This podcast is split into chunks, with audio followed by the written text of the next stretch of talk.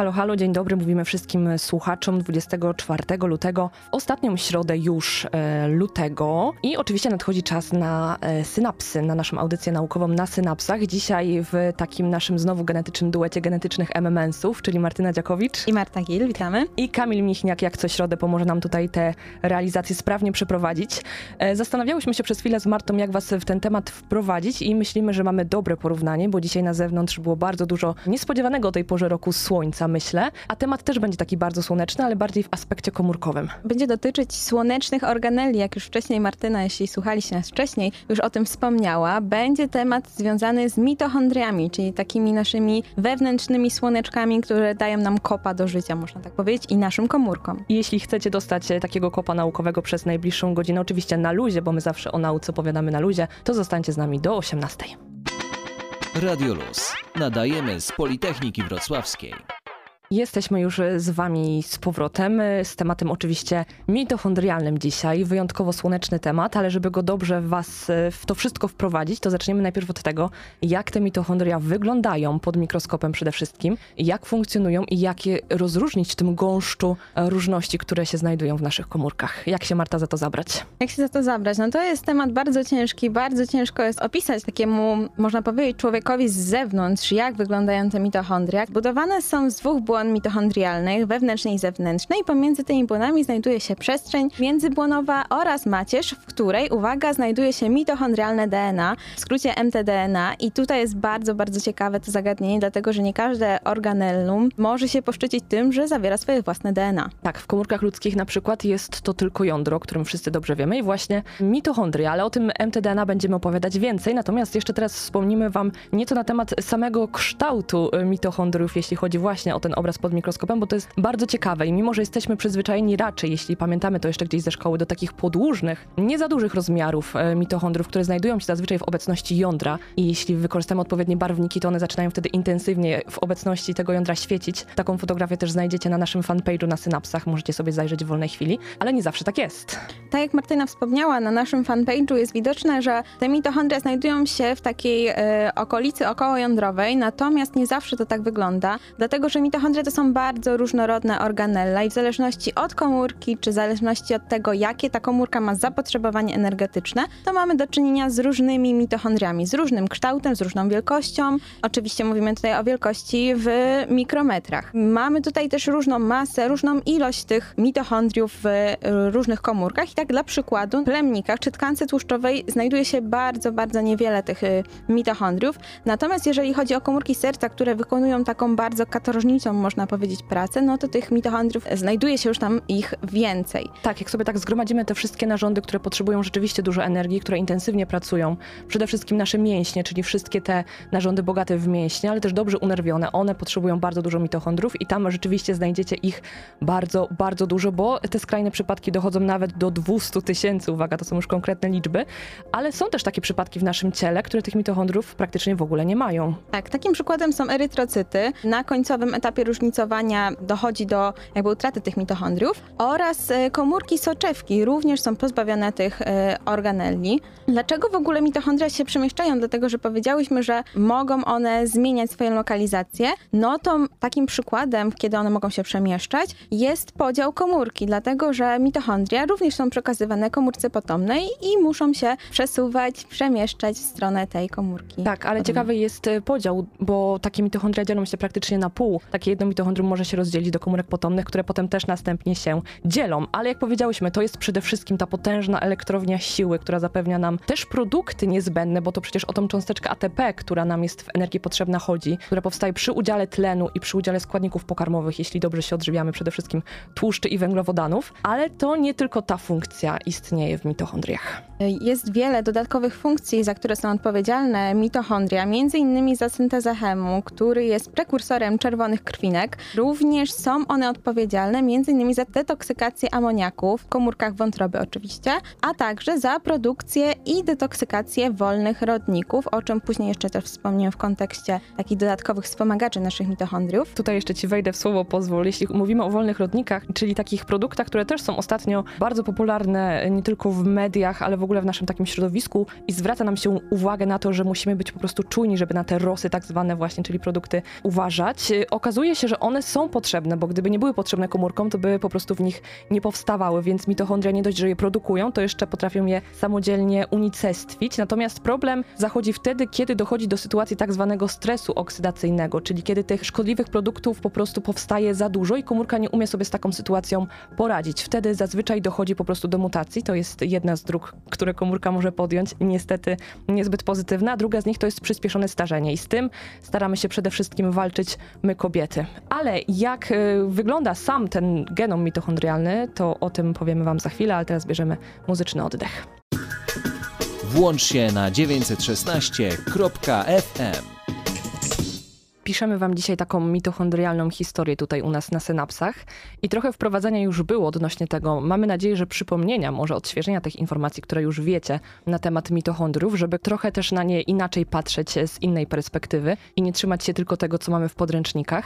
Ale a propos tego, co mogliśmy się nauczyć, to trochę na ten temat już wiemy i wiemy, że tak jak Marta też wcześniej wspomniała, mitochondria mają swoje DNA to od razu nam daje taką wskazówkę, że być może te mitochondria pochodzą właśnie z zewnątrz i taką potwierdzeniem tego, że mitochondria pochodzą z zewnątrz jest teoria endosymbiozy zaproponowana przez panią Lynn Margulis.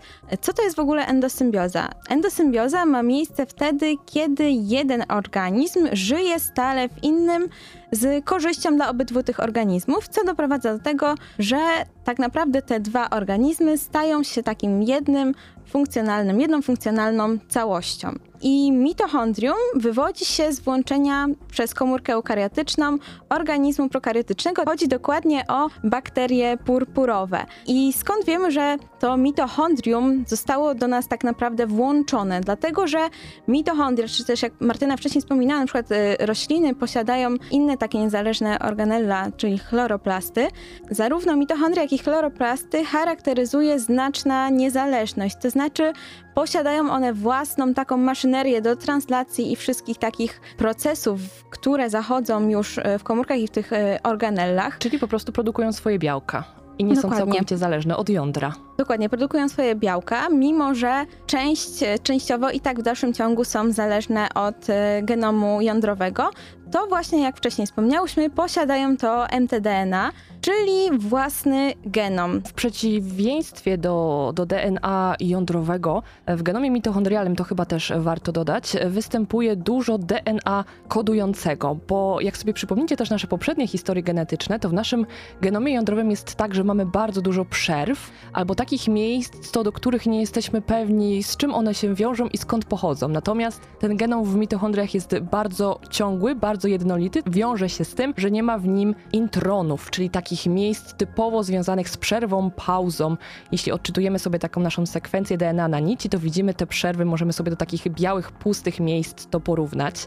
Ale tutaj jeszcze jest takie jedno pojęcie, o którym chciałybyśmy Wam opowiedzieć, przybliżyć, czyli heteroplazmia. Pojęcie ciekawostka, dlatego że tutaj z tą ciekawostką jest to, że w obrębie jednej komórki cząsteczki tego mitochondrialnego DNA mogą się różnić pomiędzy sobą. Mogą być nawet, to jest, to jest bardzo ciekawe, że mogą się one nawet różnić w obrębie jednego mitochondrium. Skąd to się bierze? Ano stąd, że czasem powstają jakieś różne spontaniczne zmiany, spontaniczne mutacje sekwencji. Są one utrzymywane, powielane i później tak współistnieją z tym DNA, które jest prawidłowe. Natomiast jeżeli mamy do czynienia z e, taką sytuacją, kiedy wszystkie te cząsteczki mtDNA są takie same, no to mamy do czynienia z homoplazmią. A tutaj właśnie streściłam przed chwilą sytuację przeciwną, czyli heteroplazmię, czyli cząsteczki różnią się sekwencją. Między sobą często właśnie tak jak Marta wspomniała w jednej komórce i to też skłania nas do tego, jak poważne potem choroby mogą się rozwinąć, bo od tego stopnia heteroplazmii zależy to, jaki zespół chorób nam się w przypadku schorzeń mitochondrialnych rozwinie, bo to często są bardzo skomplikowane i bardzo złożone syndromy, które dają nam też często dosyć niejednoznaczne objawy, co może być trudnością w diagnostyce chociażby u lekarzy, ale też u biotechnologów, którzy robią te badania w laboratorium. Ale jak mówimy o genomie, to sprawdzimy zaraz, czy prawdą jest to, że genom mitochondrialny dziedziczymy tylko po matce. Zostańcie z nami. Włącz się na 916.fm.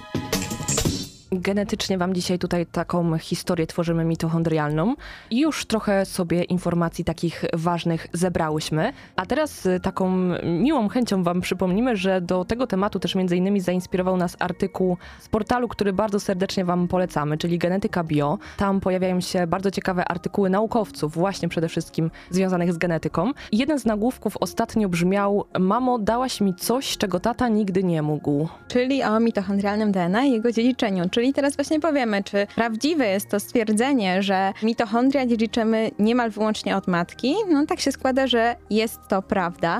Jak to przedstawić w skrócie?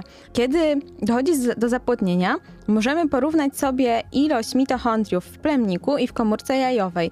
I niestety, znaczy stety, niestety, e, Niestety dla kobiet. Niestety dla kobiet komórka jajowa znacznie przewyższa ilością mitochondriów plemnik, dlatego że plemnik posiada ich około 100, natomiast komórka jajowa jakieś 100 tysięcy. Mhm. Więc Trochę zer więcej. troszeczkę zer więcej. No i tutaj możemy powiedzieć, że ten ojcowski, ojcowskie DNA mitochondrialne jest znacznie rozcieńczone wobec więc można powiedzieć, że ostatecznie zostaje tylko to mtDNA matczyne w zarodku. Tak jest, ale w międzyczasie wiadomo, że plemniki dzielnie walczą i te mitochondria, które normalnie znajdują się we wstawce plemnika, w jakiejś tam liczbie właśnie przedostają się do tej komórki jajowej, ale jednak jeśli nawet tam trafią, to i tak są tak znakowane chemicznie, tutaj następują skomplikowane procesy, żeby nie przetrwały zbyt długo, a w efekcie, jeśli jest ich mało, to po prostu dochodzi do tak zwanego z genetyki populacyjnej efektu wąskiego gardła, czyli rzeczywiście ten materiał genetyczny matki zwycięża. I to jest jeden z dogmatów, który istnieje też w biologii molekularnej, czyli to, że mtDNA dziedziczymy właśnie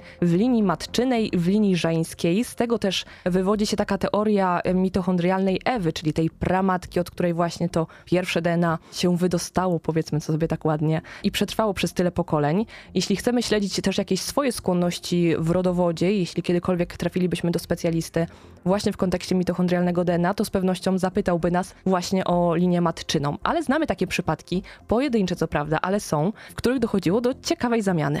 Tak, już po raz pierwszy w 2002 roku naukowcy natrafili na taką osobę, u której zauważono, po przeprowadzeniu odpowiednich badań oczywiście, że mitochondria, które znajdują się w jego komórkach, pochodzą zarówno od matki, jak i od ojca. Tych przypadków oczywiście nie ma więcej, e, nie, nie ma strasznie dużo, ale jednak e, w pracy z 2018 roku, czyli już takiej e, troszeczkę nowszej pracy, zespół naukowców z szpitala w USA e, trzy niespokrewnione rodziny z wysokim poziomem heteroplazmii mtDNA. O której już wcześniej Tak, wspomniałyśmy. heteroplazmii, czyli mamy do czynienia z różnymi sekwencjami mtDNA.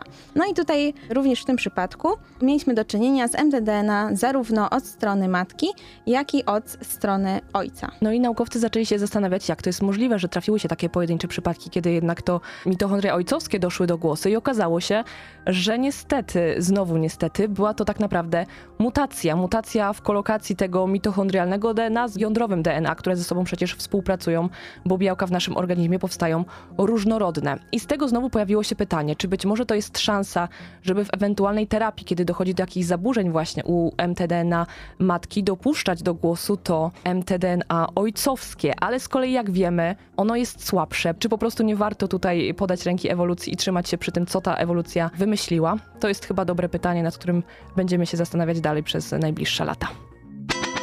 Radio Luz. Nadajemy z Politechniki Wrocławskiej. Na tapet bierzemy dzisiaj mitochondria i to tak z mocnego naukowego kopa. E, Trochę było już wstępu na temat tego, co to może się podziać, jak się źle dzieje w mitochondriach. To teraz sprawdzimy, dlaczego w ogóle źle się dzieje. Źle się dzieje dlatego, że mitochondria posiadają to swoje mitochondrialne DNA i ono tak naprawdę w dużym stopniu przyczynia się do powstawania chorób e, mitochondrialnych. Choroby mitochondrialne to jest dysfunkcja, można tak powiedzieć, łańcucha oddechowego, dlatego że mitochondria są odpowiedzialne, tak jak już wcześniej Martyna wspomniała, głównie za to oddychanie, za wytwarzanie energii. A o co chodzi z tym mitochondrialnym DNA i dlaczego ono jest głównym winowajcą e, chorób mitochondrialnych? A no właśnie znowu chodzi o tą tak zwaną heteroplazmię, czyli jeżeli zmieni się proporcja ilości DNA zmutowanego i prawidłowego w komórce, no to mamy bardzo dobrą sytuację do tego, aby doszło do zaburzeń w funkcjonowaniu mitochondriów. A jak wiemy, do tych zaburzeń dochodzi bardzo łatwo, dlatego że po prostu mtDNA z ssaków przede wszystkim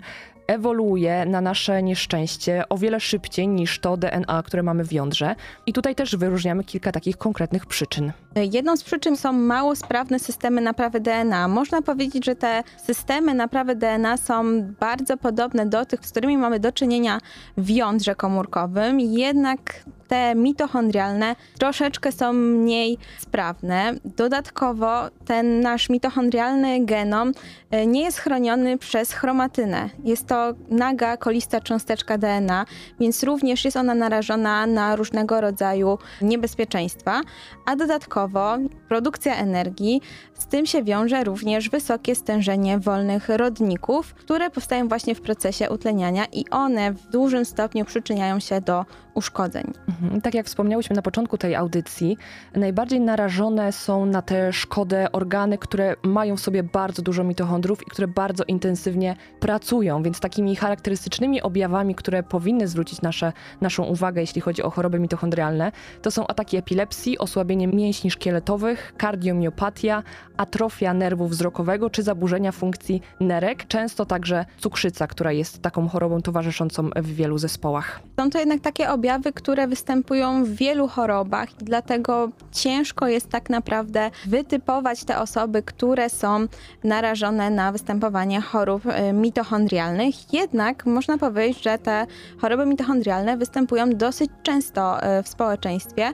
Częstość ta to jest 1 na 5 tysięcy. Często też tutaj mówimy o zespołach, tak jak wspomniałyśmy, tutaj warto podkreślić, mamy bardzo często konkretne zespoły, być może zwróciły Waszą uwagę takie nazwy wcześniej gdzieś w gazetach, jak MELAS, zespół MERV czy zespół CPO. Jeśli rozwiniemy te skróty, one wszystkie oczywiście pochodzą z języka angielskiego, to są skomplikowane syndromy miopatie mitochondrialne, encefalopatie, często kwasice mleczanowe, czyli wszystkie te dysfunkcje, które zachodzą w mitochondriach w tak małych organelach komórkowych, a mają wpływ totalny, można powiedzieć, na cały organizm. Tak, mają najbardziej wpływ na układ oddechowy i tak jak słyszymy, to nas tych chorób, na układ nerwowy i układ mięśniowy. A w jaki sposób możemy sprawdzić, czy posiadamy taką chorobę mitochondrialną. Na przykład podwyższony poziom mleczanów we krwi i płynie mózgowo-rdzeniowym może sugerować y, o wystąpieniu takiej choroby, jak również możemy poddać to nasze mitochondrialne DNA dodatkowym molekularnym badaniom. A zaraz sprawdzimy, jak wygląda aspekt leczenia i czy jest w ogóle możliwe, jeśli chodzi o mitochondria.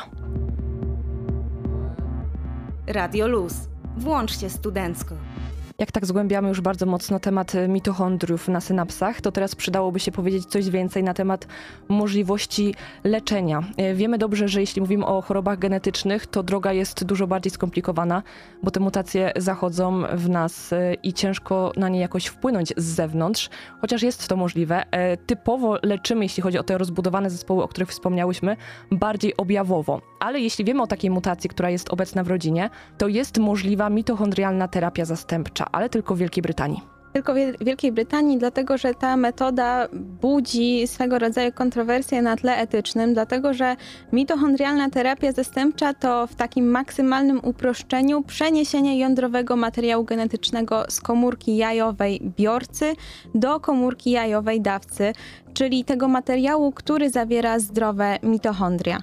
Słyszeliśmy o takich przypadkach, bo do takich sytuacji już doszło w Wielkiej Brytanii, w których mówi się, że dziecko ma trójkę rodziców, bo właśnie ma dwie matki. Od jednej matki pobieramy ten materiał mitochondrialny, od drugiej matki ten materiał jądrowy. To wszystko krzyżujemy i w ten sposób dochodzi do tej mieszanki genetycznej. To wzbudza trochę problemów etycznych, stąd jak na razie tylko Wielka Brytania podjęła ten krok, ale nie jest powiedziane, że to w najbliższej przyszłości się nie zmieni, bo możemy znacząco pomóc w rozwoju takich dzieci, które są obciążone genetycznie. Ale jak teraz spojrzymy na to z drugiej strony, być może nie każdy z nas ma aż tak skomplikowane problemy zdrowotne związane z mitochondriami, to chyba na plus, na duży plus dla nas. Tutaj do akcji wkracza z kolei taki ciekawy suplement, który występuje też w naturze i o którym Marta czytała trochę więcej. Tak, ciekawy suplement o bardzo ciekawej nazwie. Mam nadzieję, że wypowiem tą nazwę dobrze. W skrócie PQQ, czyli pirolochinolchinon. Wow, udało mi się. Udało się. Co to jest? To jest nowy suplement, może nie tak do końca nowy, bo już od 10 lat naukowcy wspominają w niektórych badaniach na temat takich dobroczynnych skutków e, PQQ. Jeżeli... nie jest tak znany jak e, koenzym Q10. Tak, no koenzym Q10 jednak przewija się bardziej, czy to w mhm. reklamach mhm. telewizyjnych, czy częściej może lekarze zwracają uwagę na to, żeby ten koenzym suplementować.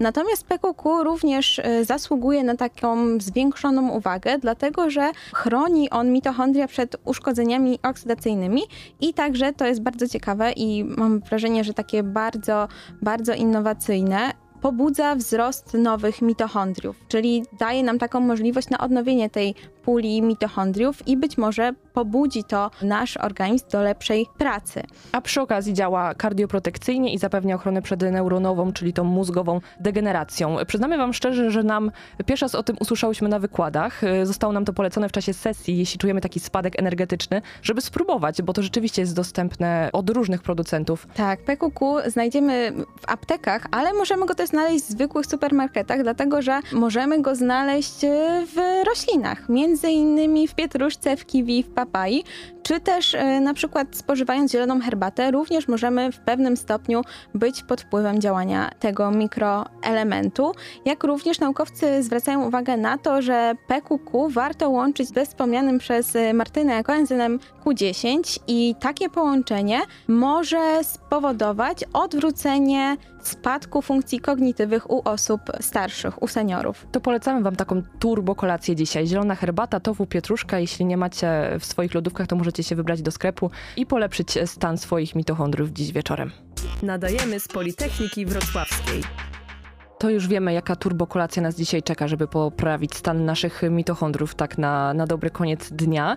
To teraz jeszcze informacja mocno związana z tematem kosmicznym, o którym jest ostatnio głośno i też z lądowaniem na Marsie jakimś tam docelowym, które będzie mogło mieć miejsce w przyszłości, jeśli chodzi o ludzi. To sprawdźmy jeszcze szybko z Martą razem, e, jak nasze mitochondria w tym kontekście się będą miały. Nasze mitochondria mogą się mieć nie najlepiej, dlatego że niekorzystny wpływ na nie wywiera zmiana grawitacji i ekspozycja na duże promieniowanie, czyli ci kosmonauci, astronauci, którzy znajdują się w kosmosie, są poddawani praktycznie, można powiedzieć, takim siłom, takim efektom, jak e, pacjenci onkologiczni podczas radioterapii. Czyli jeśli chcecie zostać astronautami od ESY, która się ostatnio bardzo mocno reklamuje, to miejcie to na uwadze, że e, wasze mitochondria mogą na tym nieco ucierpieć, tak holistycznie podchodząc do naszego organizmu. Rozważcie to na poważniej w wolnej chwili. A my wam za dzisiaj bardzo dziękujemy. Oczywiście przypominamy, że ta audycja będzie dostępna w formie podcastu na naszym kanale na Spotify. Tam też wszystkie archiwalne nasze audycje. To była sama przyjemność być dzisiaj z wami znowu w duecie genetycznych MMS-ów. Żegnamy się. Marta Gil. Martyna Dziakowicz i Kamil Michniak, ale przypominamy, że na synapsach zostajemy w takim samym rozkładzie, także w nowej ramówce, czyli i środy, i soboty o tych samych godzinach, a szczegóły na naszym fanpage'u. Trzymajcie się zdrowo.